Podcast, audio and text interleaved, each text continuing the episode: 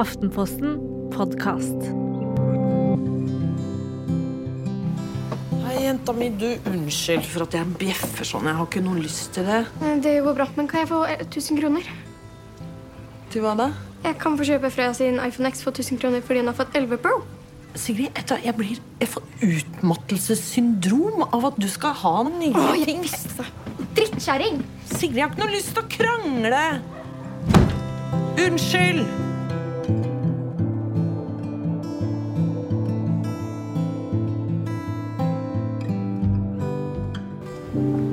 Jeg bare lurer på om jeg kanskje er en helt ræva mor.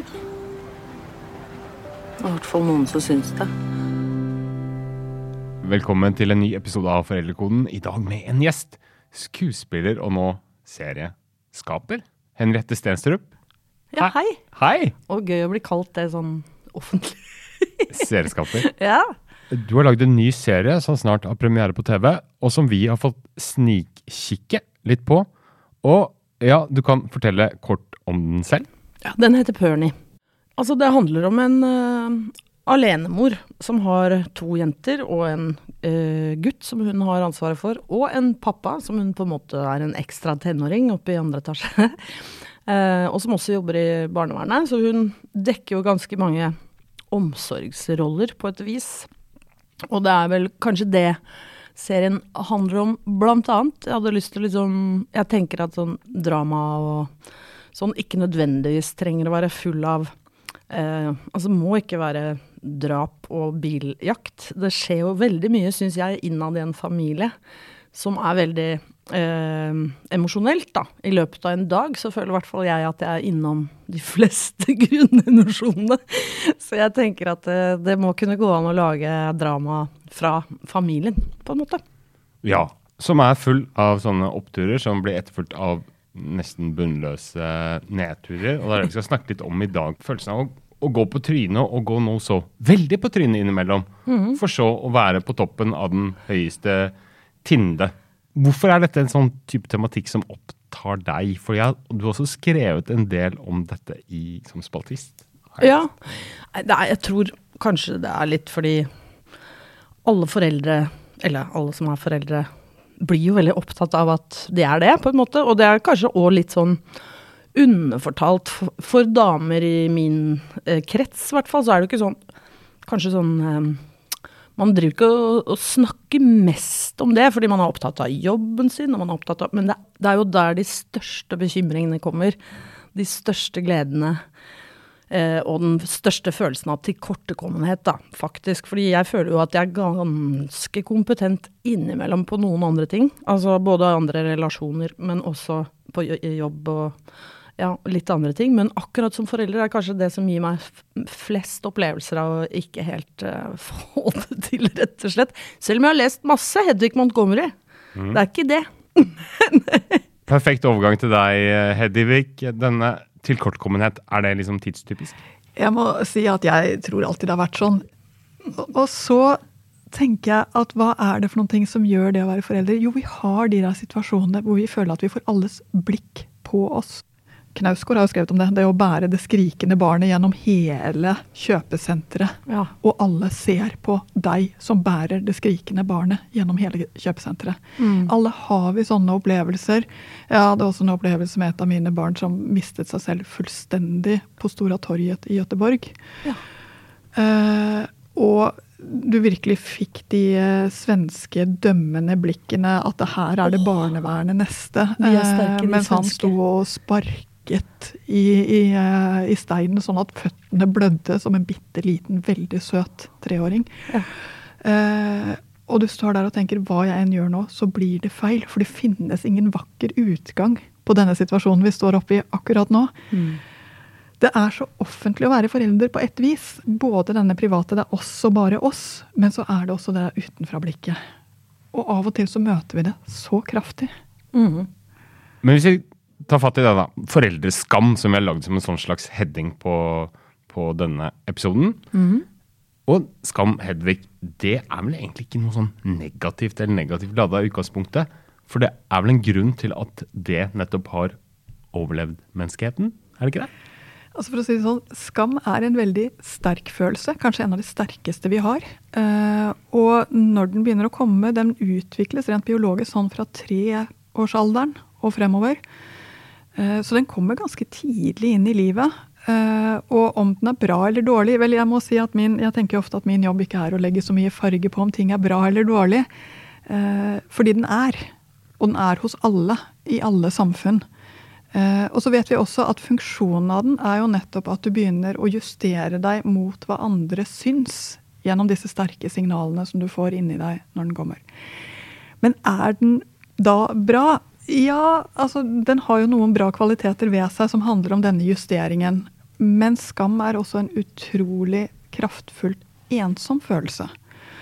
Som gjør at du ikke søker kontakt, at, som gjør at du snur deg vekk. Eh, så skam som varer over tid, er veldig nedbrytende for mennesket. Så det er også det vi vet. Så skam gone wrong, hvis vi, hvis vi får kalle det det, Mhm, eh, lager noen ting ensomt eh, og noen ting som er vanskelig å håndtere for mennesket.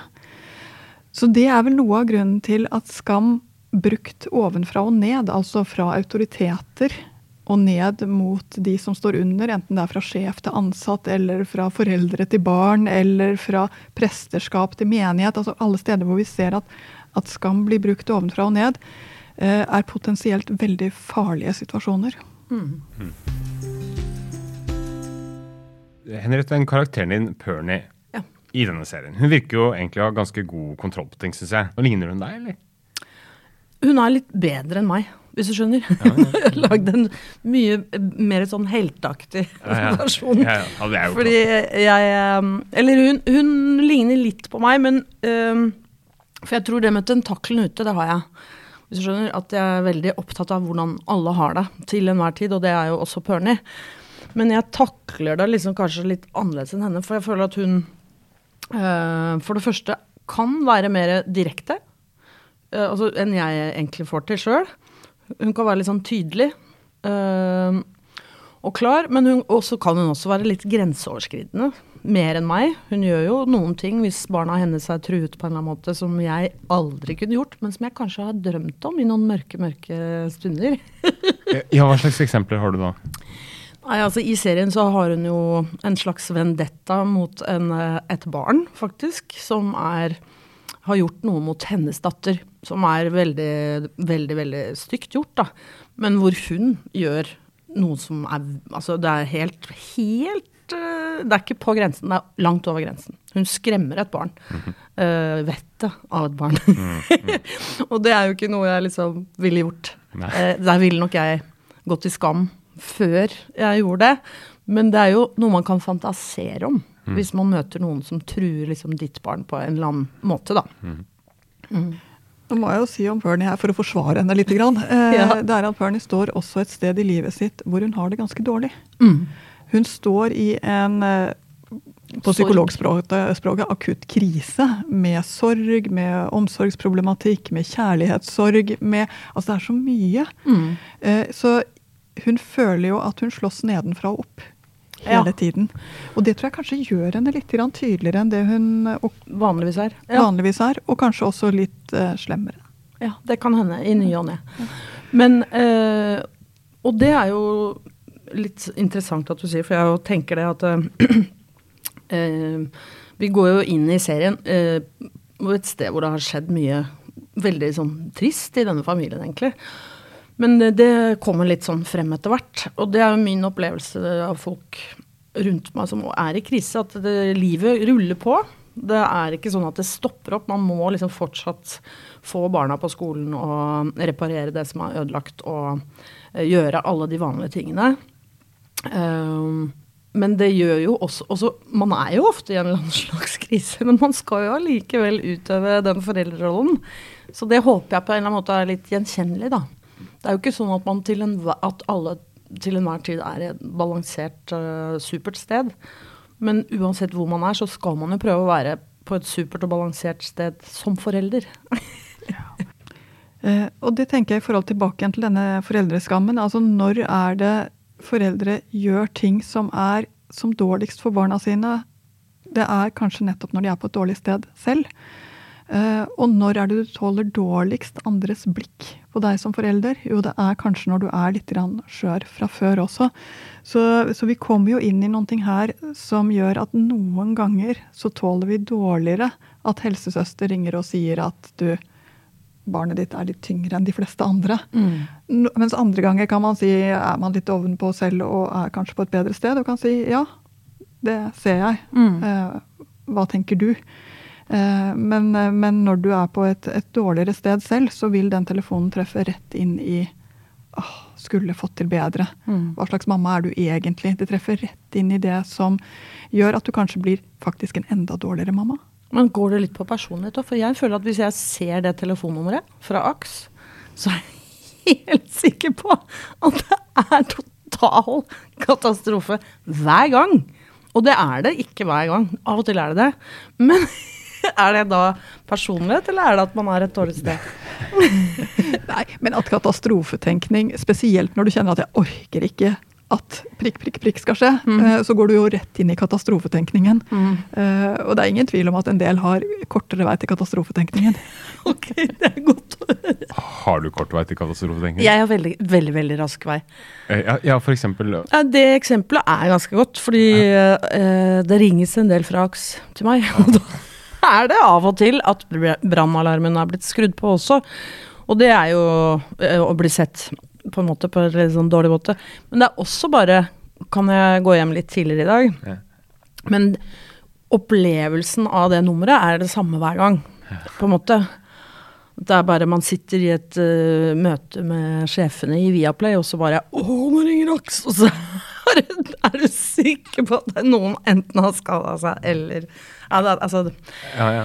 altså, Jeg syns det eksempelet er eh, ganske godt. Fordi, og det er jo ikke noe tvil om det heller, at det på skolen og i barnehagen og alt det, så vil man jo Man vil jo så gjerne at barna sine skal fungere der og ha det bra, da, først og mm. fremst. At de skal trives, og at de skal liksom like på en måte det som de har foran seg i mange år, som er å gå på skole.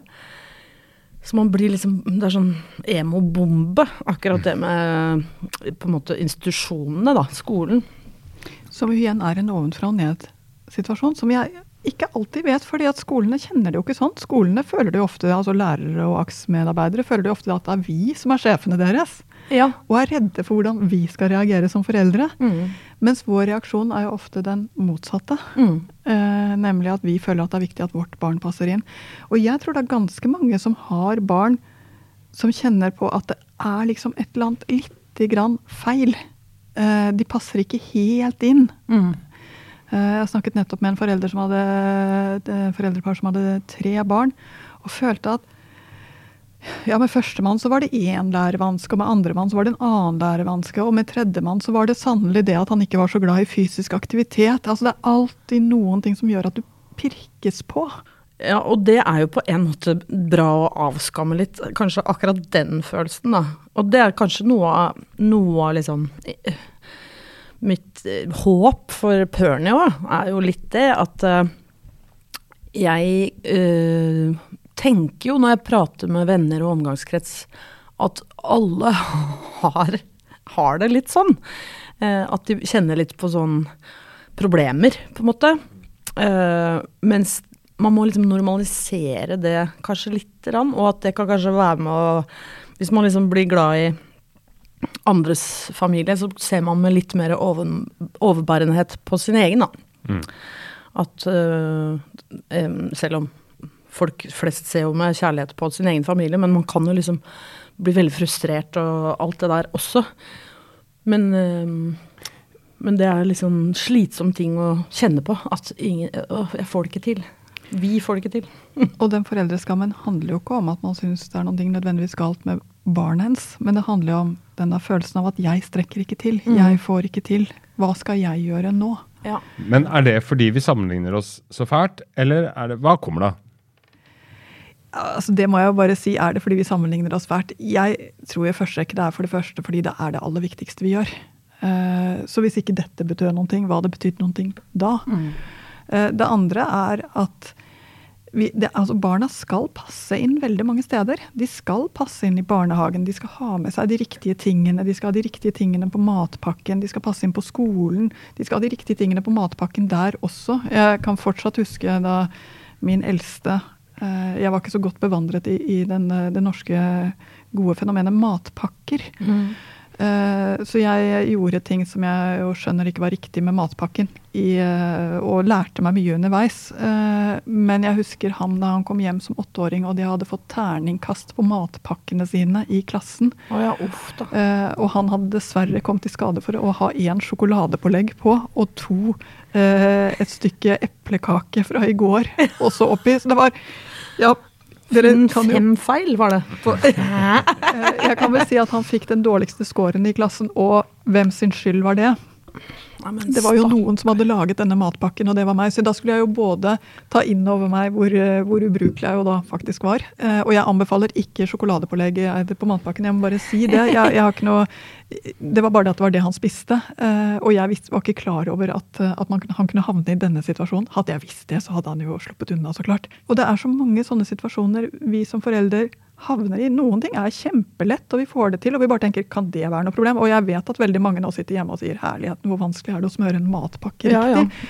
Eh, mens når du da er eh, åpenbart har dine punkter, enten det er hva slags ulltøy det er de skal ha for å være riktige, eller om det er eh, hvordan leksene skal gjøres, eller om det er da eh, hva slags eh, leggerutiner det skal være. Det er så mange steder som for dem blir mer og mer sånn synlige, Mm. og hvor de trenger at vi samarbeider med dem. Og det er ikke engang alltid vi skjønner selv hvor dumme ting vi gjør, før vi plutselig kommer i disse situasjonene. Men har det også noe med at man Når det er noe med barn, så tenker man at man må fikse det. At man er den personen som burde ordne det her, og så vet man ikke hvordan. Altså, hvis jeg har et barn som syns matte er vanskelig, så er det jo jeg som burde ordne det opp, tenker jeg umiddelbart. Men jeg vet ikke hvordan jeg skal gjøre det.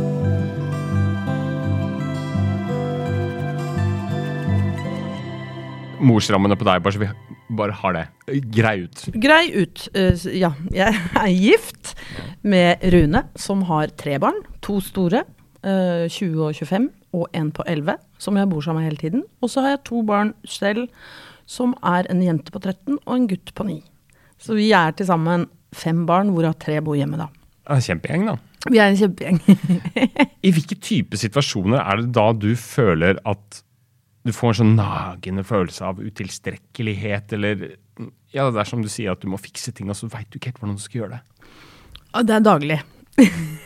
men, men det er jo eh, kanskje liksom Der tror jeg òg det kommer litt an på hva du legger vekt på som person. Noen er opptatt av matpakker, og noen er opptatt av Det jeg er litt opptatt av, er at vi skal liksom på en eller annen måte la, være en slags gjeng, da. Selv om vi er en litt sånn ikke helt A4-gjeng, så vil jeg gjerne at vi skal ha en følelse av fellesskap med mine og dine og alt det der.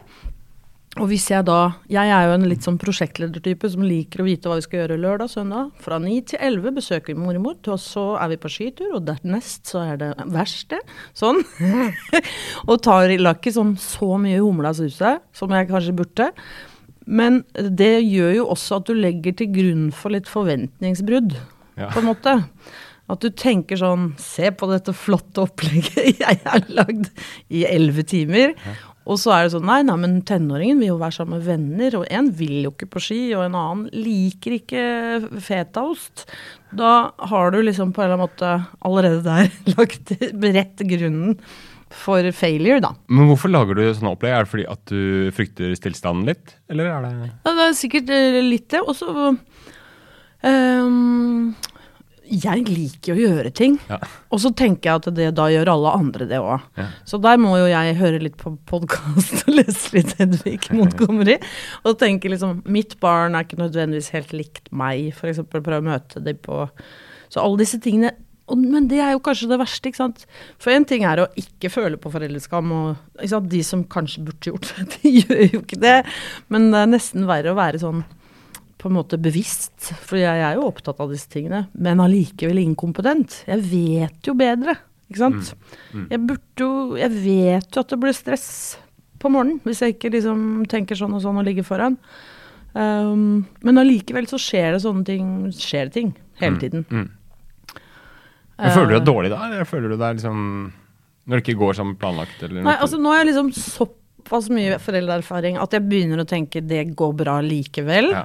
Så de, de gangene jeg liksom går Altså føler på ordentlig skam, det er jo hvis jeg feilvurderer en situasjon f.eks. og blir emosjonell overfor et barn. Uh, som Altså det, at jeg liksom påfører de et eller annet. Mm, Åssen da? Nei, typ som for eksempel, jeg har veldig lite tålmodighet på tålmodighet, punktum, men også bare på sutring. Ja, ja. Altså med barn som liksom gjør om på stemmen sin og alt det der, tåler ikke. Eh, fra noen, egentlig. Ikke fra andres barn heller. Og i hvert fall ikke fra mine egne. Og hvis Det har skjedd. Det skjer veldig lite, da. De gjør jo ikke det. Men det har skjedd, og da har, har det skjedd f.eks. det at typ sånn vi er på buffé på hotell, og det er sutring, og jeg blir sånn Unnskyld meg, her er det Nugatti, croissant, Fanta til frokost og basseng. Og så jeg liksom kjefter på barnet mitt, og sekundet etter så er, viser det seg at eh, det har jo 40 feber og har omgangssjuke. Det sutra jo ikke. Det var jo også skjønner du, en sånn grusom følelse av å ha lest feil. Situasjonen har jo ikke klart å ha de tentaklene ute. Og ikke liksom møtt det barnet på der hvor det var, på et eller annet vis. Og får, du da dårlig samvittighet? Å nei. Ja. Hvordan, hva gjør du for å føle deg bra igjen, eller bedre igjen da? Nei, nå øver jeg på eh, det som eh, sikkert Hedvig kan mye mer om, reparasjon. Ja. For det har jeg lest at det er viktigere nesten enn eh, alt annet. Hvis du blir god på reparasjon, så kan du ordne opp i veldig mye. Så det driver jeg med, da. Hva slags verktøy er det du henter fram da? Nei, altså det er jo Dette må jo Hedvig ta oss gjennom, føler jeg. Men det er jo å sette seg ned og innrømme at nå gjorde jeg sånn at du følte deg dum, eller ble lei deg, og det skulle ikke jeg gjort. Å ta det bort fra dem og over på seg. Og forhåpentligvis få en reaksjon som ikke er sånn 'Det går bra, mamma'. det gjør vi jeg på. Hva er analysen? Jeg syns jo hun er nydelig. Uh, men eh, altså, at, at det der at du av og til rett og slett bare har ikke alle de riktige puslespillbrikkene. Og så blir det bildet du ser, helt annerledes enn det barna sitter med. Mm. Det er jo det som skjer i denne frokostsituasjonen. Eh, faktisk så er sånne høyfjellshotell er et godt sted for å se hvor vi får den type situasjoner. Det er klassisk sånn eh, ideen om hvor at barna skal først på langrenn før eh, skal ut på langrenn, og så ta seg ut, og så er det basseng, og så er det leking, og så er barna helt utslitt når de da kommer til middagen, Mm. og oppfører seg sånn som utslitte barn oppfører seg. Og foreldrene sitter i en åpen restaurant Ja. med disse barna. Mm. Jeg føler like mye med hver eneste familie dette rammer. Eh, fordi det er helt naturlig for utslitte barn å ikke klare å sitte gjennom en buffémiddag. Mm. Det er helt naturlig. Eh, det er også helt naturlig at foreldrene har lyst til å vise frem fy fader, vi er en fin gjeng. Vi er til og med her sammen. Og vi har vært på ski i dag. Altså, det er jo det bildet de at det blir så utrolig krasj mellom det fine bildet som de egentlig sitter med, og det øyeblikksbildet som kommer frem Mm. i den spisesalen. Og så blir det så vanskelig.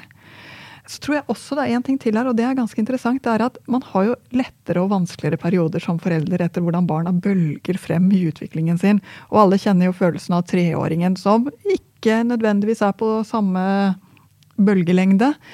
Men det er klart at det skjer også noe ganske dramatisk når du går fra å ha en samarbeidsvillig elleveåring, eh, tross alt. Eh, kanskje ikke så glad i å gå på ski lenger, men, men tross alt, det er mye god stemning.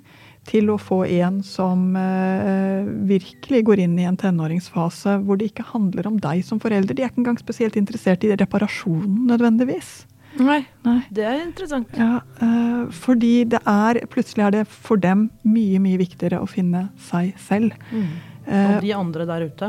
ja, og til og med finne seg selv litt som forskjellig fra deg. Så de begynner jo å kritisere ting som de før syntes var vidunderlig med deg. Mm. så det, skjer også noen ting der hvor eh, foreldre Hvor det er lett å ta det ganske personlig. Hvordan kan du si disse tingene etter alt det jeg har gjort? mm. Ja, ja. og planlagt. Og så er det dette som skjer. Eh, mens egentlig så handler det jo nettopp om det samme igjen som, som på Høyfjellshotellet. Man sitter med forskjellige bilder foran seg. Mm.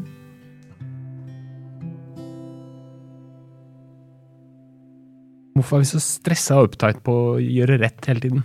Det finnes tusenvis av måter å leve lykkelig familieliv på. Eh, og jeg kan av og til bli ja, faktisk lei meg på ordentlig når folk syns det føles snevert ut. Altså Man må være familie på én måte, den må se ut på en bestemt måte. Det skal, når man skiller seg, hvis man havner der, så er det først en skam, og så skal man få det til å fungere så fantastisk som skilsmissefamilie, som kanskje kan være kjempevanskelig. Altså det, er så, det blir så snevert. Men jeg, jeg tror også dette handler om en annen ting. Det er at i skammens natur ligger det noe med å bli sett fra utsiden. Vi vil gjerne vise frem noe av det fine vi også har. Vi har lyst til å vise frem den familien som eh, hvor barna sitter med rundt bordet og spiser og prater med kniv og, og får til å bruke kniv og gaffel og eh, ikke sparke hverandre under bordet, rett og slett. Eh, for vi vet jo at de kan. Vi vet at vi har sånne øyeblikk. Og så kommer vi i de synlige situasjonene, og så bare går det ikke. Mm. et eller annet blir feil. Eh, Og så er det jo liksom de verste av sine egne sider. Én ting er barna, men altså hvor liksom eh, Hva de kan vekke, på en måte, av nedrighet i en selv. Som er sånn Men jeg skal jo ikke Nettopp som du sa sånn der Unnskyld meg, her har jeg rigget til. Og så plutselig Å, nå har jeg ut som en annen som jeg eh, vet om. Eller et eller annet. Altså, ja, liksom, som på en måte blir sånn ja, det, det, du får fram noen sånne sider som du ikke nesten visste du hadde. Liksom. Skal jeg være en som, som ser så mye jeg har gjort, da? Og så er ikke du fornøyd? Altså, Jeg som blir liksom krenka, på en måte. ja, litt sånn lettkrenker-type, eller et eller annet. Og du kjenner igjen noen som du har sagt som tenåring selv at du aldri skulle bli lik. Ja, ikke sant? Eh, og det er jo også ganske interessant at det å oppdra barn gjør at du blir veldig godt kjent med deg selv.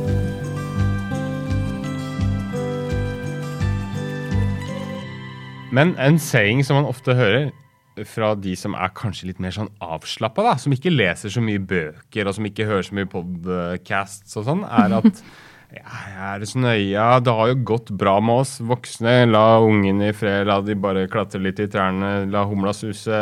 At ungene skulle klare seg litt mer sjæl. At ikke vi skulle involvere oss så veldig mye og se på den som et sånt prosjekt hele tiden. Det er, sånn, sånn får man jo høre i ny og ne. Er det et poeng, eller? Altså Dette er en balansegang mellom å holde og slippe. Eh, fordi hvis du holder barn for hardt, altså ikke lar dem få lov til å prøve, ikke lar dem få lov til å lære seg å sykle, for de kan jo skade seg, ikke lar dem få lov til å gå alene, for noen ting kan jo skje, så blir barna til slutt triste og deprimerte. De blir for kuttet ned i hva som er mulig. Det lager ikke noe godt vekstmonn for å lære seg, for å strekke seg og for å bli seg selv. Men så må det jo også sies at vi har selvfølgelig det motsatte, som er at hvis du slipper barna for brått og for tidlig, så slår de seg også for mye, og det tar de skade av. Så den gamle sayingen 'og det har gått bra med oss' er jo en sannhet med modifikasjoner. Eh, Det går ikke så bra når du slipper barna for hardt. Det går ikke bra når barna må finne ut av ting de ikke er klar for på egen hånd. Så denne balansegangen mellom å holde og slippe, vi har den egentlig hele veien i en, eh, i en familie. Eh, og kanskje er det også det som blir så tydelig, eh, det liker jeg også for å gå tilbake til Bernie, at hun har tenåringsbarn som nettopp driver og røsker i dette her. Dette trenger ikke du å bry deg med, mamma. Eh, Jeg kan bare flytte til København. Men så er det jo helt tydelig at hun er ikke helt klar for å bare flytte til København ennå. Så stor er hun faktisk ikke. Så du står i dette spennet her hele tiden. Og det er også interessant å se, kanskje leser jeg for mye i, inn i seriekarakteren din, men når mammaen får denne beskjeden om at du, jeg reiser fra deg, fra eldstedatteren sin, så kjenner hun også på at det er litt mislykket slutt. Det var ikke helt sånn, apropos skammen. Det var ikke sånn det skulle gjøres. Det skulle ikke, Hun skal ikke flytte hjemmefra på denne veldig abrupte måten. Nei. Og det kjennes ut som om hun har mislykkes litt grann som mamma der og da.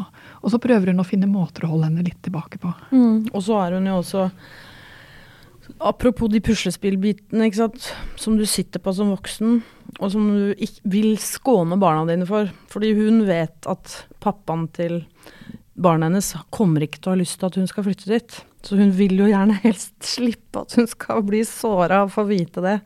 Um, og det er også litt sånn krevende som forelder av og til, at du, du liksom Du er voksen, så du vet i noen situasjoner at det her kommer ikke til å gå så bra hvis du liksom hopper ut i det her med hodet først. Og så skal du da la de gjøre det, eller skal du liksom ja, sørve, serve de ut av det på å prøve å smarte deg bort fra det. Og beskytte dem fra absolutt alt som er kjipt, liksom. En annen side av skam er jo eh, skam over egne barn. Fordi de oppfører seg så dårlig. Det er vel heller ikke noe vi snakker så veldig mye om, er det det? Du var litt opptatt av det, Henriette? Ja, det er mest fordi jeg syns det er litt gøy at det fins, på en måte. At, altså at man liksom bare kan bli sånn som den situasjonen med skrikende barn igjennom Knausgård beskriver, ikke sant. Altså, at, og det er jo en treåring, da, så det er egentlig sånn Du kan jo ikke bli skammet over en treåring, men det er jo litt det man gjør. Altså, unnskyld meg. Eh, og så er jo ikke det noe man skal liksom påføre dem eller gjøre noe med, men det er bare litt, jeg syns det er litt sånn interessant at man kan bli litt sånn De kan gjøre deg flau, på en måte. Um, men det handler jo egentlig om det samme som Hedvig har snakket om i episoden. At, at eh, du blir sett. Og når noen ser barnet ditt, så ser de liksom også deg.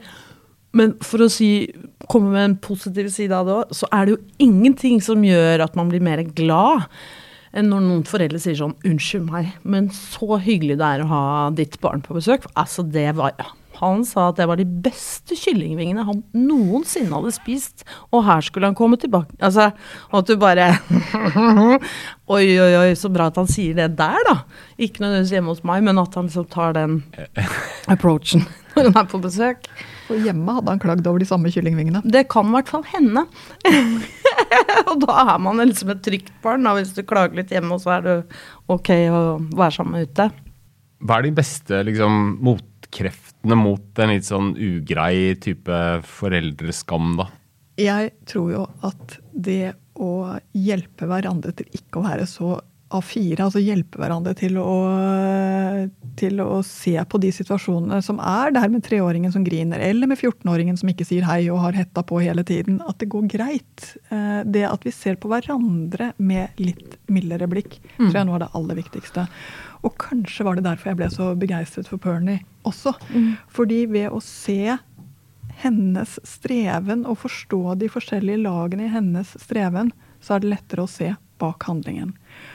For hva fungerer mot denne skammen? Jo, det er egentlig å se bak handlingen. Hva er det egentlig som skjer? Hvilke puslespillbrikker er det vi mangler? Hvilke intensjoner. Men det er jo heller ingenting man husker med mer lettelse og glede enn nettopp den forelderen som smilte til deg når du bar et barn eh, ut, ropende ut, som sa liksom Dette kjenner jeg til. Så det med å se med litt overbærenhet på å være andre foreldre og hverandre, det syns jeg hørtes ut som et godt råd. Litt rausere. Hva er det du savner mest fra øh, samfunnet og samtiden rundt det å liksom skulle være foreldre? Det er jo veldig mye ting som fungerer på en måte også, og jeg blir veldig glad når noe fungerer. Um, men det, alt, alt er jo litt personavhengig også. Og det, sånn er det bare i systemer som skal ta imot barn. Så hvis du er litt uheldig, så, um, så møter du kanskje en lærer som ikke skjønner ditt barn, eller alt det der.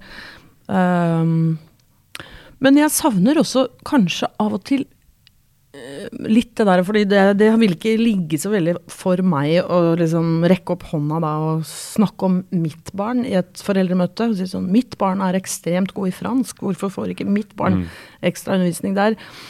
Men eh, jeg tenker at liksom alle foreldre sitter liksom litt sånn og tenker på sin egen familie, men at jeg òg, men jeg liksom har lyst til å prøve å liksom løfte blikket litt, og litt mer sånn Det er mange barn i det, en klasse, f.eks. Så mitt barn kan ikke få alt, men det kan få noe. Og så er det noen andre som også må få litt, som trenger det mer, eller som trenger noe annet. At man liksom løfter det litt ut fra det individuelle, da.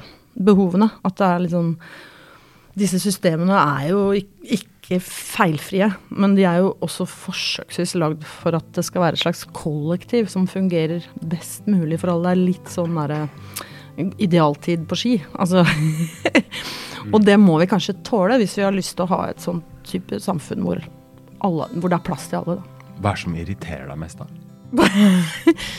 Altså, det, eh, dessverre, både som mor og menneske, um, at ting går for sakte. Hvis ting går for sakte. Ja, jeg er utålmodig. Og hva skjer hvis det går for sakte? Da blir jeg dårlig mor og menneske.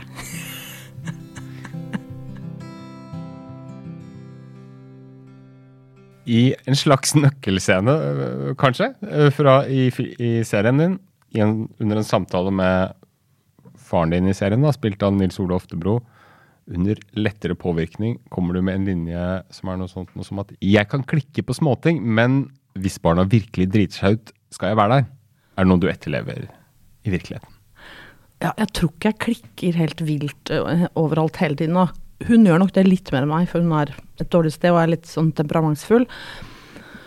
Men øh, det er de gangene jeg føler at jeg er en litt ok forelder. Det er når barna mine tør å komme til meg med ting som de syns er vanskelig. Eller som er sånn åh, det er en gave, på en måte. Hvis de forteller meg ting som jeg vet at dette er ikke vanlig at foreldre får høre om. Om det liksom handler om noe med vennskap eller med kjærlighet eller med noe som er vanskelig eller noe som er bra. Da føler jeg meg liksom som en litt sånn dugelig type, for da føler jeg at jeg har gitt de liksom eh, den tryggheten. Og at her, hvis det virkelig brenner, så kan dere komme til meg. Og det føler jeg at mine foreldre Det, det, det er min opplevelse av mine foreldre òg. At eh, jeg kunne komme til dem hvis jeg ikke hadde betalt strøm på ett år. Uten å liksom bli sabla ned. Da bare ordner vi opp i det, og så vet vi at vi gjør det litt annerledes en gang. Men, men altså det, det håper jeg at jeg liksom kan gi til barna mine. Det høres jo litt ut som uh, ditt sånn uh, hva skal man si, universelle budskap oppsummert òg, egentlig, ikke Hedvig? Eller? Jo, jeg vil si det. Um, altså, det er ikke slik at du kommer til å gjøre ting riktig som forelder hele tiden. Du kommer til å gjøre mange, mange feil. Uh, men så lenge de feilene er på de små stedene som ikke betyr så mye, og du har disse store anledningene til å hjelpe til, til å rette opp, til å bevare roen når det trengs som mest. Og jeg må jo si at helt generelt, det beste rådet jeg kan gi til foreldre når barn kommer og noen ting har skjedd, hvis du klarer å holde tilbake en setningen 'men jeg har jo sagt tusen ganger at' Hvis du kutter den setningen, og istedenfor gå på 'ok, så det gikk helt gærent, fortell, hva skjedde', da er du på mange måter godt innafor som forelder.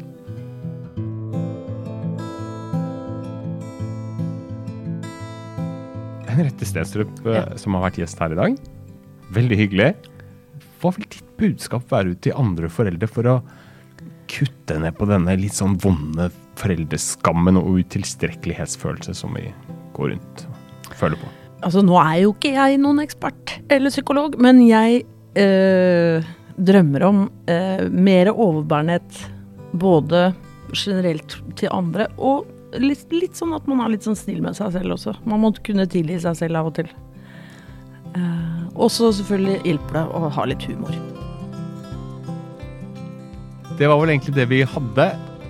Henriette Stensrup, veldig hyggelig at du ville komme på besøk, da. Takk for at jeg fikk komme. Hedvig Montgomery, Vi høres igjen. det gjør vi.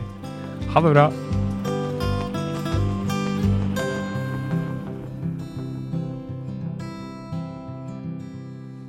I denne episoden har du hørt lyd fra serien Pernie etter tillatelse fra Viaplay. Foreldrekoden klippes og produseres av meg, Bjørn Egil Halvorsen. Redaktør er Lillian Vambheim.